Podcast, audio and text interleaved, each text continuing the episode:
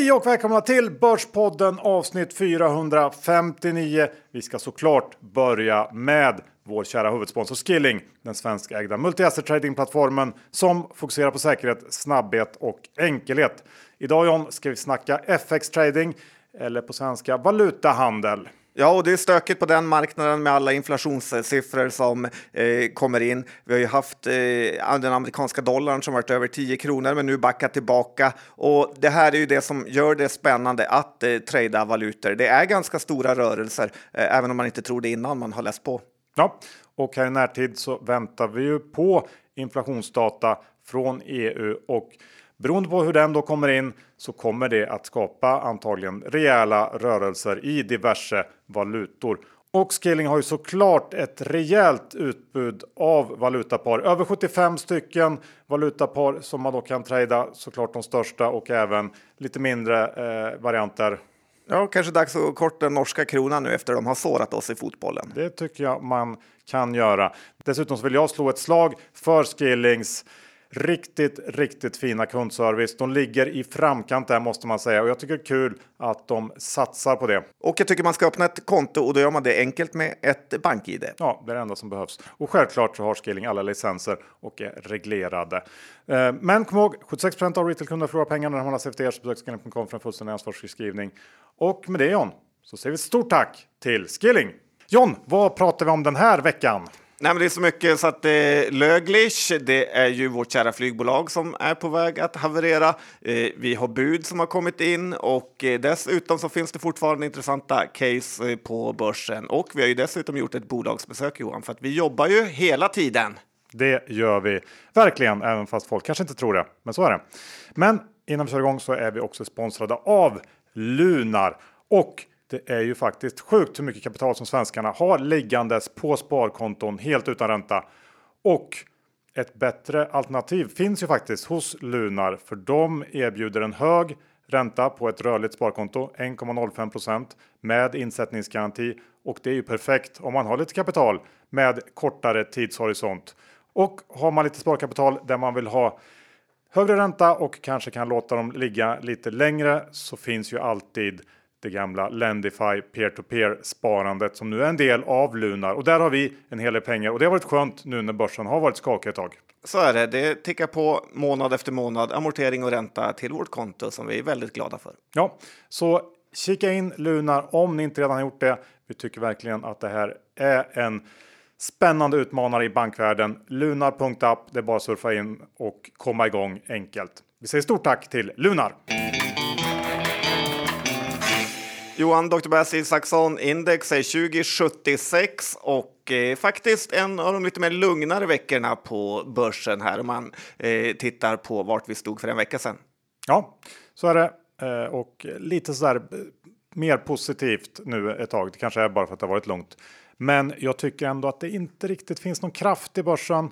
Den här studsen som vi hållit på med sista månaden, den känns halvhjärtad som att man kanske inte riktigt innerst inne tror på den, eller så är det bara jag, jag vet inte.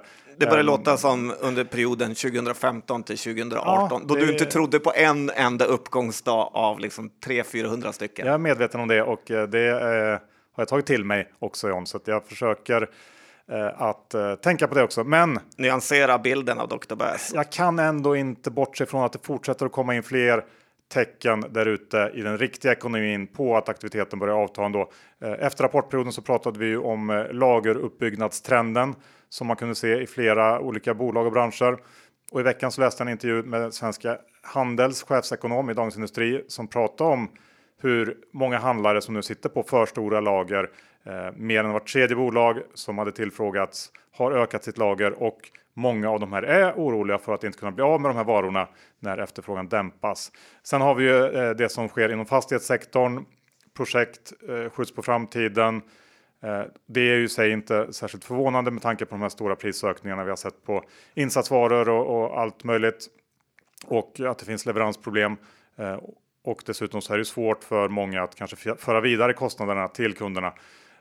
Sen har vi också det här med stigande räntor såklart och generellt deppigare konsumenter. Det bidrar ju inte heller till någon slags efterfrågefest inom fastighetssektorn.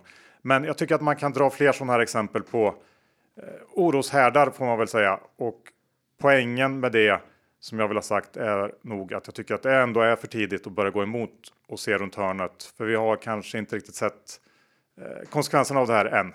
Nej, det är frågan om vart vi är. Jag tycker däremot inte att det behöver vara så negativt att det lugnar ner sig lite. Det är det vi har varit oroliga för med en skenande ränta. Så att eh, dämpar sig ekonomin lite så kanske inflationsförväntningarna också eh, sjunker och det kan på lite längre sikt vara positivt eh, för börsen. Men frågan är vart vi är i den här kurvan, om vi har passerat den eller om vi har det värsta framför oss. Ja, det finns ju såklart någon slags mjuk landnings alternativ och eh, om det är det scenariot som kommer att utspelas, då är det mycket möjligt att eh, det är läge att börja gå in på till exempel börsen. Men bostadsmarknaden pratade jag om. Där har du spanat med dina trader sniperögon. Ja, det har jag gjort och jag är väl en av de bästa i Sverige på att förutsäga bostadsmarknaden.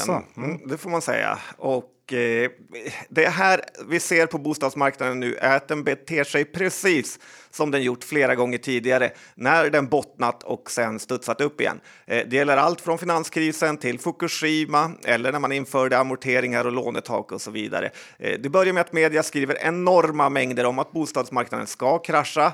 Det i sin tur skrämmer upp både köpare som inte köper och säljare som får panik och ska hinna före och sälja innan alla andra gör det, vilket leder till ett enormt utbud av hus och lägenheter eh, som vi nu ser på Hemnet. Och i alla tidigare kriser, eller minikriser får man säga, har det visat sig vara ett köpläge i de här, eh, vid de här tillfällena när alla andra blir passiva och det finns massor att välja på. Och eh, det är alltid något dödsbo eller skilsmässoboende som tvingas sälja som man kan snappa upp till ett riktigt bra pris. Men sen när det vänder så kommer det visa sig att många av de här objekten, precis som på börsen, aldrig riktigt var till salu, utan de tas bort när det vänder. Eh, det kan såklart vara annorlunda den här gången, men om jag letade efter boende nu skulle jag inte vara för feg med att eh, våga slå till, utan jag tror det kan vara lite köpläge. Mm, ja, är man lite tuff så kan det vara det. Ja, faktiskt. Ja. Du, eh, alla tycker ju inte som jag när det gäller börsen och köpläge eller inte, för att jag har sett att många högprofilerade investerare faktiskt ute och nästan skriker köp just nu. I veckan så läste jag först om eh, Krille Gardell som tyckte att massor av aktier var alldeles för billiga. Eh, både Ericsson och Volvo är bolag som han tycker att man ska köpa nu. Och bara någon dag eh, efter det så såg jag att Dino Gerges globalfondsförvaltare Henrik Andersson pratade i DI om alla fina köplägen och menar bland annat att läget i vad var det, Fairfax India nu var ett sånt som man bara får tio gånger under en livstid. Och det är ju möjligt att de har helt rätt i de här fallen. Men måste ändå säga att över ett decennium av ultralätt penningpolitik och en historisk börsuppgång. Efter det så kan jag ändå känna att det krävs lite mer än 15% nedgång sen toppen för att man ska hitta once in a lifetime köplägen. Jag tyckte once in a lifetime låter ju mer lockande än eh, tio gånger läge. Då är man inte lika sugen att offra sig. Är ändå ganska bra med 10 times in a lifetime köpläge. Ja, jag väljer nog hellre once. Ja, okay. Så man, du tycker också man kan vänta lite då på? Ja, det är inte så att det aldrig mer kommer bli så här billigt känner jag väl. Mm, nej, så, så är det nog. Uh, men det här med ägare är ju viktigt att titta på när man handlar aktier. Ja, det A och O kan man säga. Väldigt eh, viktigt, som man kanske inte kan i början av sin börskarriär. Men det är något man ska väldigt noga hålla ögonen på. Och eh, SAS är ju ett av börsens sämst presterande bolag där man återigen ser hur viktiga ägarna är. Storägaren, svenska staten, har ju länge motarbetat sitt egna bolag i lång, lång tid genom att införa olika flygskatter, gynna tågresande och nu på senare tid även kört flygplatserna i botten. Eh, nu har man dessutom gått ut och meddelat att man inte längre vill vara långsiktig ägare i SAS, men först är man beredd att eh, konvertera sina skulder till nya aktier. Alltså vill Karl Petter Thorvaldsson få så absolut dåligt som möjligt betalt för statens eh, SAS-aktier undrar man. Det är nästan löjligt hur ingen inom regeringen faktiskt inser att ägarandelar är riktiga pengar som man kan göra riktiga saker för. Utan de här miljarderna som det faktiskt rör sig om verkar det inte finnas det minsta bryddhet om. Det är nästan läskigt att se hur illa man kan behandla ett bolag man äger och på så sätt elda upp medborgarnas pengar. Så att man får ge lite cred till alla de som tror att det kommer bli så bra när staten tar över alla skolor, förskolor, fastigheter och får bygga egna it-plattformar som skolplattformen och eh, Stockholms parkeringsapp. Ja, det eh, var bra sagt John. Jag håller med om allt. Och eh, ja, det hade inte hänt. Om vad? Om det hade varit privata ägare i SAS. Vi ser ju hur de amerikanska eh, flygbolagen eh, klarar sig mycket bättre. Lite tycker man att Gerald Engström har ju skämt ut sig genom att äga 1 i SAS. Ja. Det borde han ju sålt. Wallenberg har inte heller gjort det bra. Jag tänkte främst på det här att om BP-partiet hade varit vid makten. Nej, just det. Ja, då, då hade det inte hänt. Du har fått lite eh, storhetsvansinne där. Jag undrar snart om jag blir utsparkad. Nej, jag tycker att allt du säger passar in i partilinjen så att säga. Du, Avanzas morgonbrev då? Mm, det är ett av börsens absolut sämsta morgonbrev ja, det numera. Och eh, det har ju blivit så otroligt, otroligt sloppy att det inte är acceptabelt för att vara Sveriges största nätmäklare för småsparare. Eh, direkt det varit en röd dag så står det typ nedgång väntas på Stockholmsbörsen, trots att det är helt klart att det indikerar att den ska gå upp. Och det är för den som skriver det här morgonbrevet har tagit en snabb titt på CFD-mäklarnas förhandel av index som då kan stå i till exempel minus 0,4 men det den som skriver morgonbrevet inte fattar att det här nollställs varje natt. Så att om Sverige varit stängt, som på nationaldagen eller eh, när det var som värst här på Kristi himmelsfärdsdag, eh, så blev det helt fel. Och det här är därför vi bland annat alltid snackar punkter på index som man gör i USA. Och det är så mycket bättre att förhålla sig till än att räkna procent. Och lite kan jag tycka att den som skriver ett morgonbrev faktiskt också måste kunna det här Johan. Ja, det tycker jag är någon slags lägstanivå. Det håller jag med om. Och frågan är om vi behöver det här morgonbrevet överhuvudtaget. Det finns ju så många liknande morgonbrev som inte tillförs mycket mer än att skriva om nyheter på något sätt. Det var som när vi hade morgongenomgång på Remium på gamla goda, där en kille läste upp baksidan av eh, DI där det stod vad som hade hänt på USA-marknaderna och han tog det som sin egna lilla grej. Ja, kan man också göra. I veckan så fick den här kollektorhärvan sin upplösning. Eh, samtliga 11 åtalanden dömdes av tingsrätten för insiderbrott och de här två huvudåtalande Balders finanschef och den här tidigare ekonomidirektören på Balder dömdes till grovt insiderbrott. Fick fängelse faktiskt. Inte så vanligt. Nej, men det var inte länge. Det där Nej. behöver ju de inte kämpa hårt för att sitta av. Ett år i någon eh, liten öppen anstalt. Nej, um, men jag tycker att det är lite intressant att titta på den här tidslinjen i det här fallet. Eh, hur det har ringts runt till kompisar, grannar och släktingar direkt efter att, man får reda på att en vinstvarning i kollektor står för dörren. Eh, och jag funderar lite på hur de här herrarna har resonerat. För de verkar inte riktigt förstå vad insiderinfo är för någonting och att man inte får handla på det. Eh, jag tycker det är väldigt svårt att förklara deras agerande och tipsande på något annat sätt än att de inte har förstått.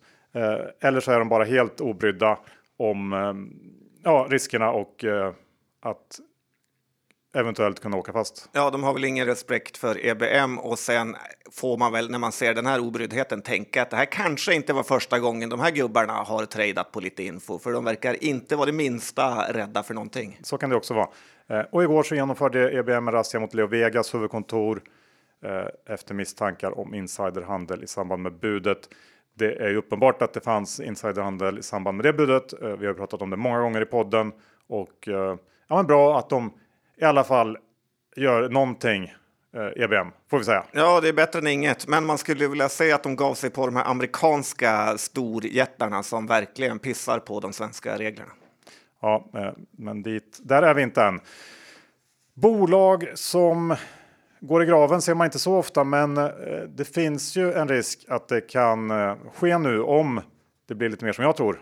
Ja. utvecklingen. Ja, men verkligen. Och förra veckan får man väl ändå säga att MyFC gick i graven när det här rekommenderade budet med 30 i rabatt eh, mot aktuell kurs verkar gå igenom. Lite Bear Stearns känsla ändå, eh, även om det inte är en sån känsla också. För att Bear Stearns På vilket sätt var det Bear Stearns känsla? Ja, men att det stod, aktien stod i 12 och sen kom ett bud på 2 eh, dollar på gamla goda under finanskrisen. Okay. Mm, du, du kanske var för ung du Johan? Nej, det var jag inte. Du bara inte kommer ihåg något längre. Jag var också med då, så du. Mm, jag vet. Eh, nej, men så här, frågan är om det inte är snart dags för ett av eh, annat av börsens sämsta bolag att också ge upp snart. Vet du vilket jag tänker på?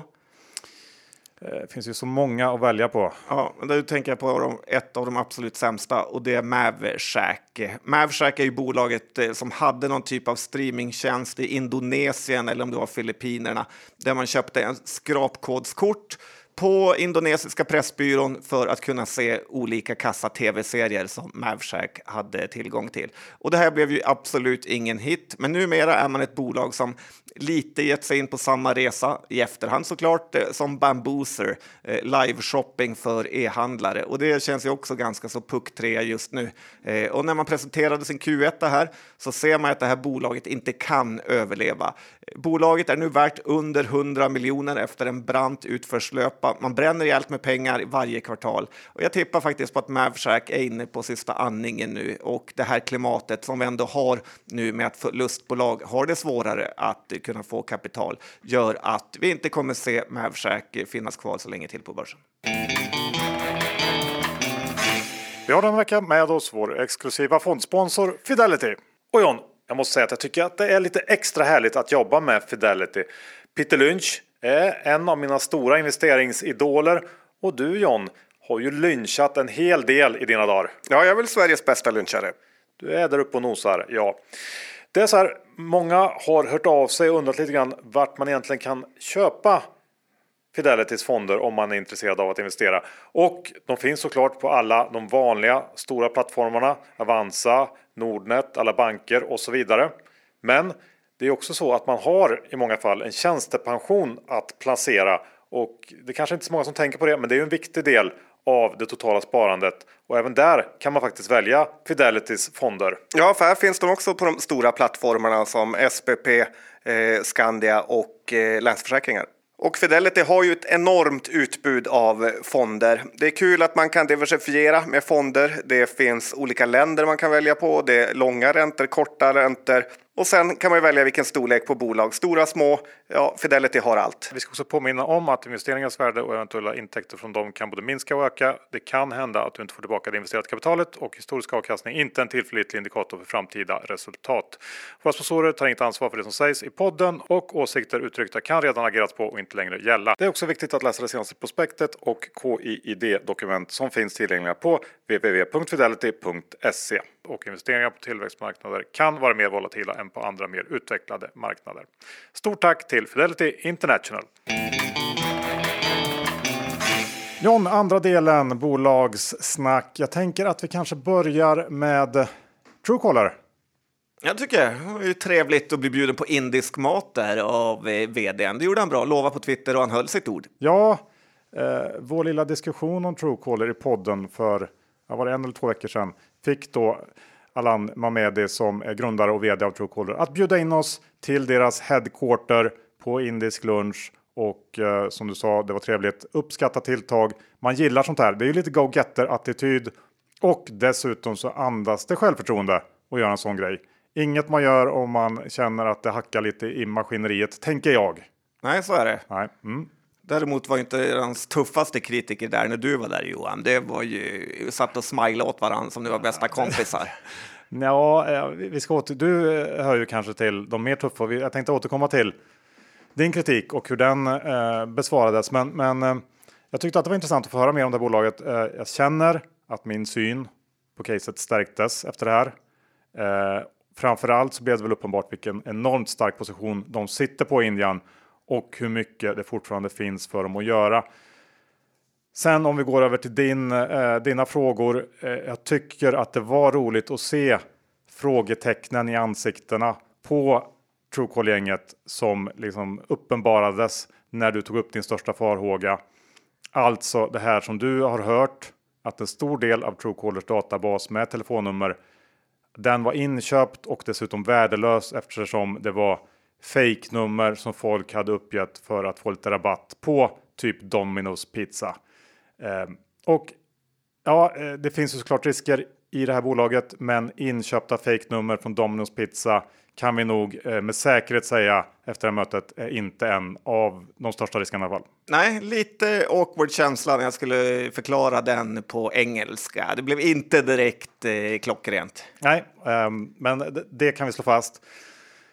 Och eh, men precis som när vi pratade om den här aktien senast så tror jag att den här senaste tidens turbulens i aktien med olika skriverier och eh, VC-fonder som har sålt av olika anledningar. Det är brus som egentligen inte har någonting med bolaget att göra eller hur det går för bolaget, utan det här tror jag har skapat ett fint ingångsläge. Sen kan det säkert eh, komma både bättre och sämre rapporter från Truecaller, men jag tror att de har ja, men ganska eh, lång period framför sig där det finns eh, bra tillväxt i ryggen så att säga för, eh, för deras produkt.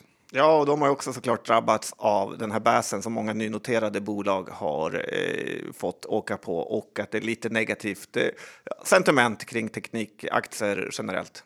Yes. Eh, det har ju varit Franska öppna alldeles nyligen. Du vill prata både om det och Björn Borg. Jag vet inte vilken ända vi ska börja. Det vet du inte Johan, men vi kan ju börja med eh, Franska öppna. Tittade du på några matcher där? Ja, det gjorde jag. Eh, faktiskt spännande. Jag gillar grustennis är ju härligt. Ja, det går långsamt, passar dig bra. Nej, men eh, Sverige blev ju återigen förnedrade av Norge här, men vid sidan av det så finns det alltid möjligheter att leta efter case och ett sådant tycker jag faktiskt BNP Paribas är som är huvudsponsor för Franska öppna och eh, det är intressant trade i dessa räntehöjningstider och äga banker. BNP Paribas har ju också en del av sin verksamhet i Ryssland, Ukraina här som gjort att aktiekursen tappat från 63 euro ner till 52. Eh, med det här BNP-kalaset så får man en direktavkastning på nästan 7% och äga en av Frankrikes eh, största banker. Så det skulle faktiskt kunna vara läge att snappa upp lite BNP Paribas-aktier eh, just nu. Och när vi ändå pratar bank, Johan, här så tycker jag Återigen, det kan vara värt att titta på spreadarna mellan Handelsbanken A och Handelsbanken B. Det är nästan 15 kronors skillnad i de här aktierna och det är lite obegripligt på så sätt att det är den sämre B-aktien med lägre rösträtt eh, som är 15 kronor dyrare, vilket är helt ologiskt på ett sätt, men logiskt på så sätt att likviditeten där är mycket sämre och därför är det lättare att driva upp den aktiekursen.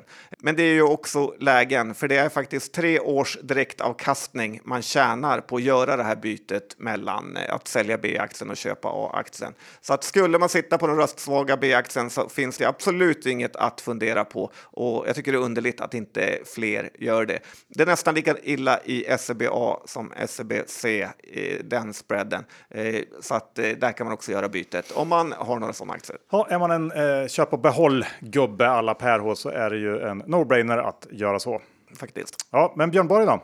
Ja, men Björn Borg, Johan. Satt han där på läktaren eller hur, hur var det? Såg honom? Eh, nej, han var inte där. Kanske Leo Borg var ute och virrade lite grann. Ja, men kollar du på den rapporten Johan med vår kära headcoach Henrik Bunge? Det är lite, där har ni en liten hatkärleksrelation. Jo, nej, nej, jag kan inte säga att jag kommer ihåg. Det kan inte ha varit några speciella siffror då. Nej, men det är väl som har fastnat på näthinnan i alla fall. Ja, det här är ju en rapport eh, vi har missat lite grann i bruset, för det kom så många rapporter i slutet av rapportperioden. Men tänkte ändå det är kul att ta upp och följa headcoachen, för han levererade återigen en bra rapport.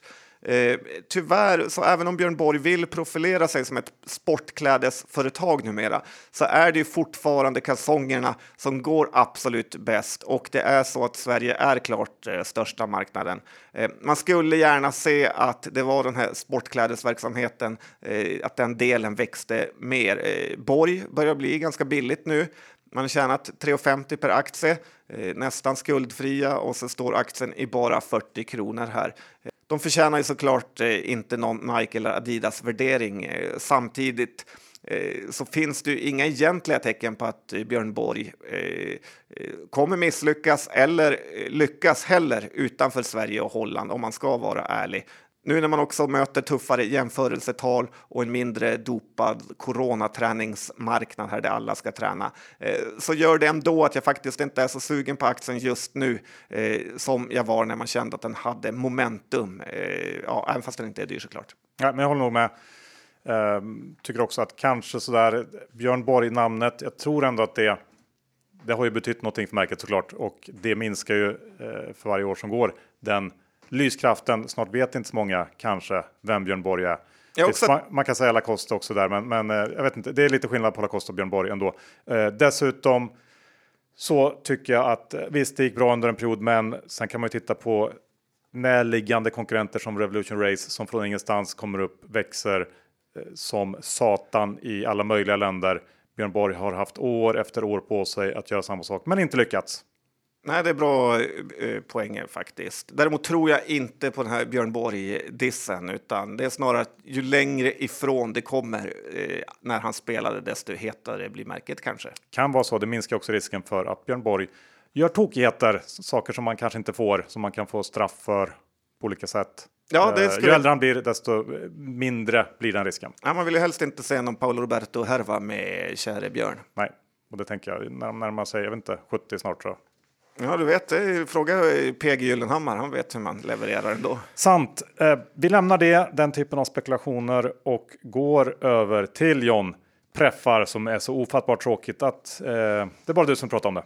Och det är väl kanske därför jag är lite av Sverige-expert här också. Jag tycker de börjar bli intressanta igen efter en rekyl vi faktiskt har fått se dem. Tyvärr är det ju så att eh, har man varit långsiktig investerare i preffar så har man inte fått någon som helst avkastning på tre år nu. Till exempel Sagax, eh, det har ju tappat från 36 kronor ner till 30 eh, samtidigt som man fått 6 kronor i utdelning de senaste tre åren. Så det är lite i, Nollsummespel. Ja, verkligen. Eh, men nu när man börjar få kring 7% från diverse preffar och med en möjlighet att kanske inflationen har toppat så kan det börja bli intressant igen. I USA har ju ETFen PFF tappat från 39 på toppen till nu 34 här. Så att det är ganska likt där som här. Eh, men där får man ju bara just under 5% i avkastning medan här hemma kan man få 7% Dessutom med den nedtryckta kronan. Så att det känns som att det inte behöver vara en dålig affär att köpa lite preffar nu när priset har kommit ner. Nej. Eh, bra. Jag har slängt ett getöga på Sectra som ju pysslar med den kanske inte helt självklara kombon medicinteknik och cybersäkerhet. De kom med sin Q4 här i veckan som gick. Eh, tittar man på helåret så växer det här bolaget eh, knappt 20% Vinsten den eh, steg med runt 10% under det här brutna räkenskapsåret och det är väl okej. En del temporärt låga kostnader under pandemin har kommit tillbaks. Det har kostat lite på marginalen. Det här bolaget levererar 1,63 i VPA som ju är ditt favoritmått som börjar komma in fashion igen jämfört med då 1,43 kronor per aktie förra året. Justerat ebita är riskkapitalisternas eh, bästa. Ja, men BP kör VPA eller EPS, samma sak. Kärt Olika barn språk. Har många namn. Ja. Eh, Men eh, då under fjärde kvartalet så minskar faktiskt vinsten 15% Jag förstår att man kan gilla det här bolaget. Det är på något sätt stabilt, har någon slags digitaliserings och effektiviseringstrend i ryggen. Det borgar väl för att marknaden kommer att takta på eh, framåt i, i ett antal år. Det jag däremot inte förstår det är hur man kan gilla aktien. För den står nu runt 140 spänn. Toppade en bit över 240 till och med i slutet av förra året. Men trots då det här tappet från 240 till 140 så får du betala runt P90 på eh, då det här förra årets vinst som väntas öka med mindre än 10% i år. Den här aktien skulle kunna stå i 50-60 kronor någonstans utan att man skulle höja på ögonbrynen särskilt mycket åt det. Så att eh, hur en del aktier värderas är en gåta. Sectra hör definitivt till en av de här gåtorna tycker jag. Ja, och det är en gåta som inte riktigt går att lösa heller för att den värderas alltid, alltid eh, högt. Ja, det är ju jättetrevligt om man eh, äger aktien. Mindre trevligt om man gillar bolaget men inte aktien. Ja, eller köpte på 240. Ja, då är det jättetråkigt. För det blir svårt. Har svårt att se hur man ska få tillbaka dem, eh, den hundralappen som aktien har tappat sedan dess.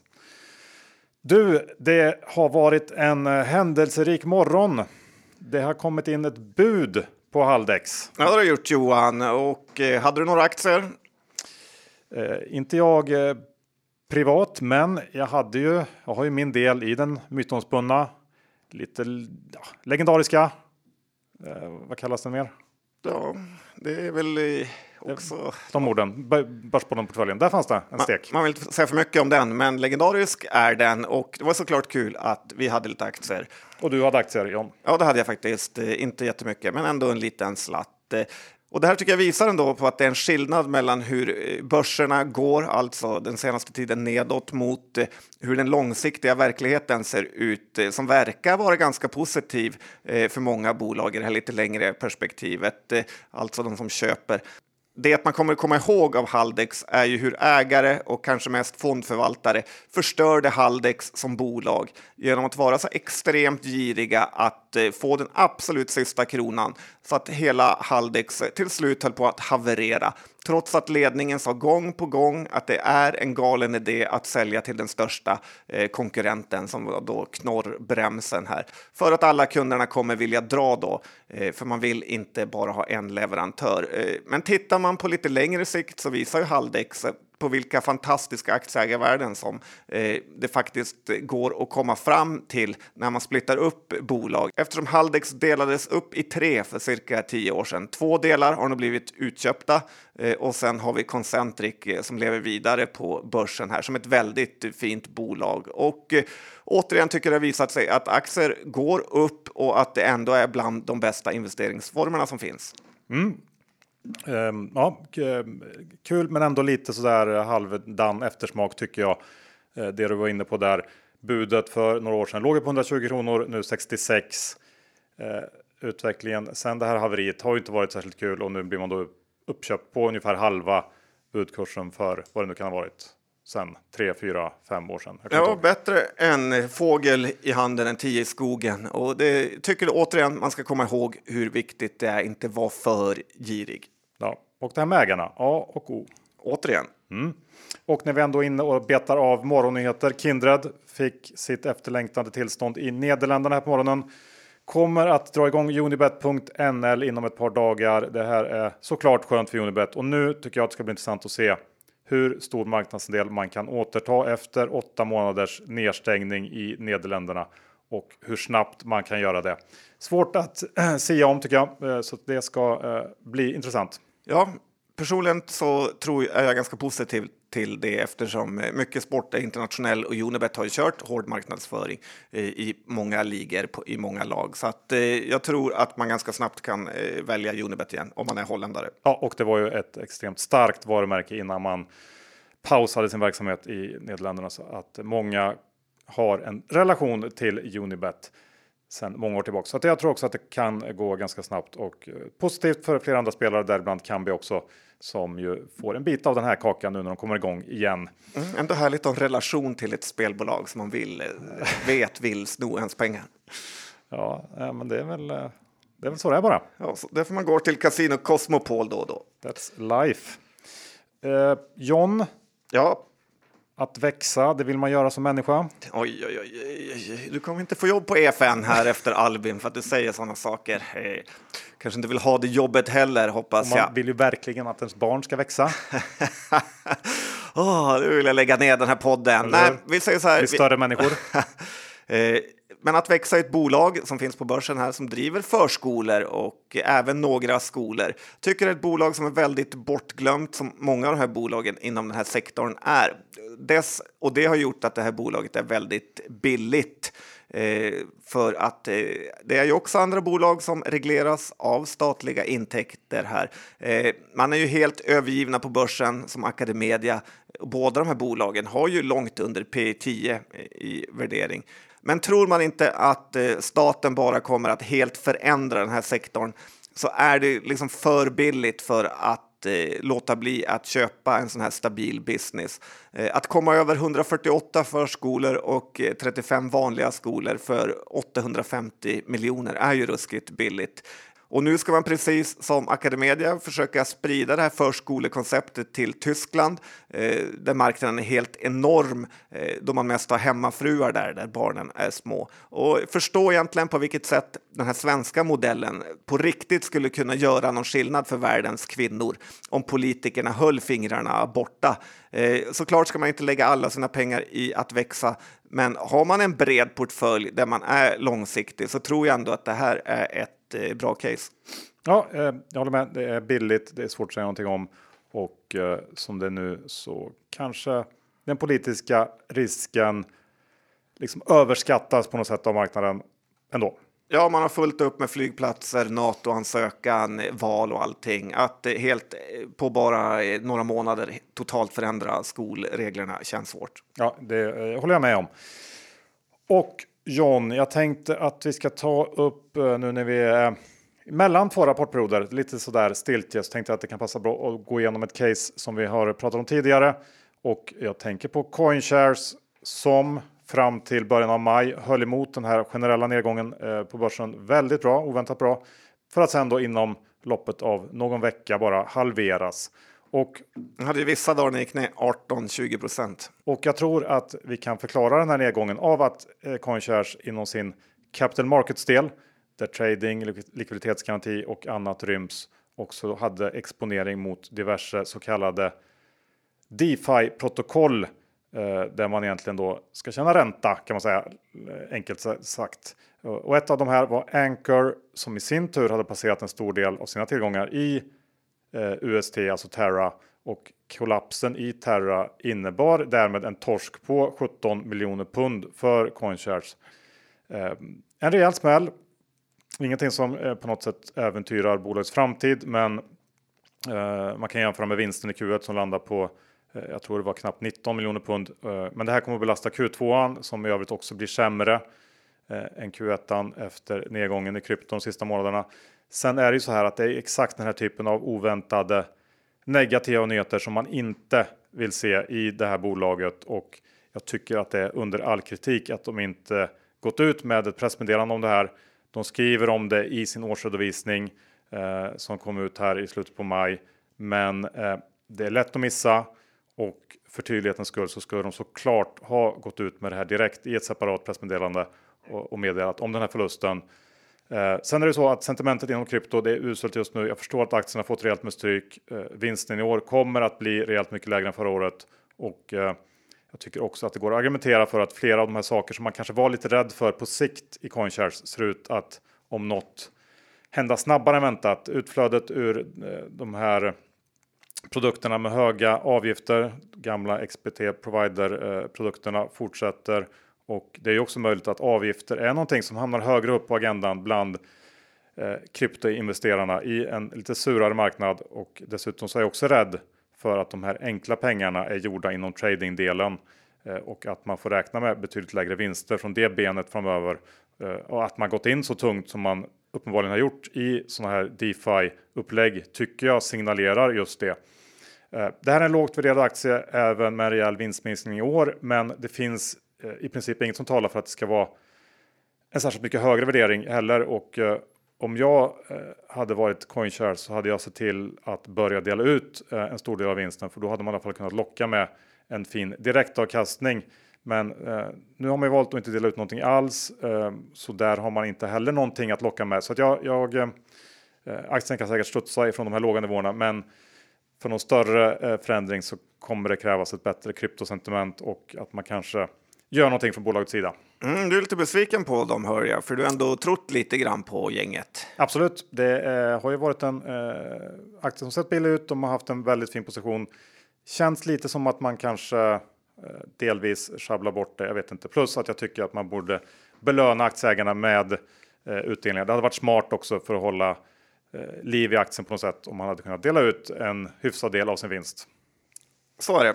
Mm. Och inte helt oväntat att den har gått ner när krypto har kollapsat som du sagt. Exakt. Men såklart dumt att inte gå ut med pressmeddelande. Risk att det blir kaka på kaka istället när eh, de som har läst det säljer först och sen får man ändå eh, se det när kvartalsrapporten kommer och så går man ner igen. Så det är ju risk att man tror man är smart men egentligen är man dum. Ja, jag tror att många kommer att bli förvånade när de öppnar Q2 och ser då att vinsten är raderad på grund av den här trading-smällen som man får kalla det. Mm, det behöver inte sådana här bolag som man redan är lite tveksam till. Nej. Och det är så John att eh, det finns en man som kan prata med börsen, prata med aktier på aktiespråk. Han heter John Skogman, han sitter framför dig. Det är nästan så att du trodde på det där själv Johan. Nej, men jag tänker så här, jag ska försöka läsa ut vad börsen säger just nu och hitta tre bolag där börsen tänker att en ny emission är på gång. Varav två bolag som jag faktiskt äger också för att traden är där att om bolagen inte behöver göra en ny emission så är det uppsida i dem. Eh, Ska jag riva av dem allihopa? Gör det. Det första som jag inte äger och absolut håller med börsen att de kommer behöva göra en nyemission är ju Desenio. Och med tanke på hur den tradas så känns det som att det är ännu mer självklart. Aktien bara tappar och tappar med små rekyler uppåt och hur man och man ser ju på hur e-handelsbranschkollegorna får ta in nya pengar eh, hela tiden och även hur försäljningen havererar för dem. Så känns en nyemission för ett skuldtyngt decennium nära till hans. Dessutom har vi sett en hel del insynsförsäljning här av folk från lite lägre poster inom bolaget, vilket skulle eh, kunna vara överbelåning, men också skulle kunna vara panik för att det går så dåligt. Eh, Nyemissionschans, vad säger du 1 till 10? Den lägger vi kring 9. Mm, bra, då kör vi det andra här. Det andra är Bonava som är fastighetsutvecklaren som halverats på några månader. Eh, usla Nordstjärnan är huvudägare där och de skulle kunna plocka ut bolaget från börsen, men det skulle också lika gärna eh, kunna bli en stor nyemission för att minska den här ganska stora skuldbördan som Bonava ändå har. Eh, det är vad börsen verkar tro ska hända, alltså nyemission. Det som talar emot nyemission är ju att man nyligen delade ut pengar och eh, man ska dela ut mer pengar i höst. Så att det vore lite konstigt med en nyemission. Samtidigt är ju Nordstjärnan största ägare här och de har ju inte alla hemma. Så att allt är faktiskt eh, möjligt. Det är lite 70-30 läge här. 70 procents nyemission, 30 procents chansförbud säger jag. Jag säger nog 50-50 då. Oj, oj, oj, nu blir jag glad. Eh, däremot om inget av det här händer så tror jag ändå att det finns uppsida för att börsen talar till mig och säger att man tror på nyemission här. Okay. Det sista. Var du full när han pratade med dig? Vem? Börsen? eh, man lyssnar Johan. Eh, okay. Då tar jag det sista. Ja, jag vill jättegärna höra. Nej, men det känns inte som att du vill höra Nej, när du håller på så här. Vad har den sagt till dig? Uh, Under influens. uh, nej, men det är Carium som är det sista bolaget här som också tradas. Där krävs det lite substanser för att det ska pratas. uh, som också tradas som att det vore en nyemission på gång här. Ja. Fiaskoavknoppning är ju Carium från Doro som fick en köprek i affärsvärlden på 32 och nu står den i 13,50 typ. Carium har ju... att vi har inte varit så mycket bättre där eh, på något sätt heller. Johan, det är inte så man blir rik genom att eh, skylla på sig själv. Eh, man skyller på andra. Nej, men Carium har ju en stor nettoskuld och fått göra nedskrivningar på grund av eh, problem eh, med de här bolagen som de har förvärvat i UK. Det har ju inte påverkat kassan, men det har ju påverkat såklart egna kapitalet. Eh, om man lyckas vända den här skutan här och inte behöver göra nyemission så är uppsidan stor. Men jag tror att börsen tror att det är en nyemission på gång. Ja, du kan nog ha rätt där, men här är jag nog snarare så att eh, 33 3 av 10 nyemissionsrisk. Så ja. det kan vara ett litet läge. Gå emot. Ja. Så 9 av 10 på Desenio, 50-50 eh, Bonava och 3 av 10 på Carrier. Kanske var mig börsen pratade med istället. ja, ja kul. Du, eh, jag ska också ta en liten kommentar kring Research och då vd Johan Löv som sålt aktier igen. Den här gången så krängde han av 300 000 aktier, drog in runt 20 miljoner och det har ju blivit lite av en vana att Löv säljer aktier lite då och då och i sig så har det kanske inte något större signalvärde just därför. Men Research är ett bolag som kan svaja en hel del mellan kvartalen. Löv har ju passat på att sälja i liknande lägen förr, det vill säga efter bra rapporter. Jag kan inte låta bli att eh, bli lite konspiratorisk och tänka att han eh, nog verkligen vill visa marknaden efter den här fadäsen med CFOn som fick gå tidigare år efter bara några månader på jobbet och därför såg till att pressa in lite extra ordrar och intäkter på rätt sida kvartalsgränsen i Q1 och att det kanske kan eh, reverseras eller straffas under Q2 här som eh, riskerar att inte bli lika bra. Jag vet inte riktigt, men Research fortsätter att vara ett svårägt bolag. Så mycket kan jag konstatera. Ja, lite trist att han gör så här. Han har ju ett dyrt leverne ryktas det om, men ändå eh, surt att han måste ta och förstöra momentum i aktien som var på väg att ta klivet, men nu har fallit tillbaka ganska ordentligt på grund av det här. Slut på avsnitt 459. Nästa vecka blir det någon slags mini-jubileum, eh, 460. Mm, otroligt litet jubileum. ja, ja, men man får ta chansen och fira. För man har bara ett liv John. Så är det. Ja. Att växa Johan, det är så du jobbar. Som människa och investerare. Eh, därför ska man lyssna på Börspodden och därför kanske man ska passa på att bli kund hos vår huvudsponsor Skilling. Det krävs bara ett bank-id. Svårare än så är det inte. Och om man mot förmodan skulle behöva hjälp med någonting så har de en utomordentlig kundtjänst. Men kom ihåg, 76 av lite kunder förlorar pengarna handlas efter esbögskrivning.com för en fullständig ansvarsbeskrivning. Och John, hur är det med våra innehav? Vi pratar Kambi har jag, vi pratade Coinshares har jag inte, vi pratade däremot om um, Truecaller som jag äger. Och eh, Haldex hade vi i den mytomspunna. Den eh, såldes på morgonen här. Jajamän, rakt in i köparna. Lämna lite smulor på bordet. Ja, vi är faktiskt sådana. Sådana är vi. Men i övrigt så tror jag det är ganska rent va John? Ja, jag har Carium jag, som vi också har i den mytomspunna. Mm. Jag hade Haldex som också har sålt. Bonava har jag Kambi Truecaller. En liten skvätt av för att eh, eh, ja, inte missa avundsjuka tåget när du blir jätterik tillsammans med din nya kompis. Ja. Du och Lang kan göra allting ihop. Det kommer vi att göra här framöver. Bra, tack för att ni lyssnade. Vi hörs om en vecka igen. Hej då! Det gör vi. Hej då!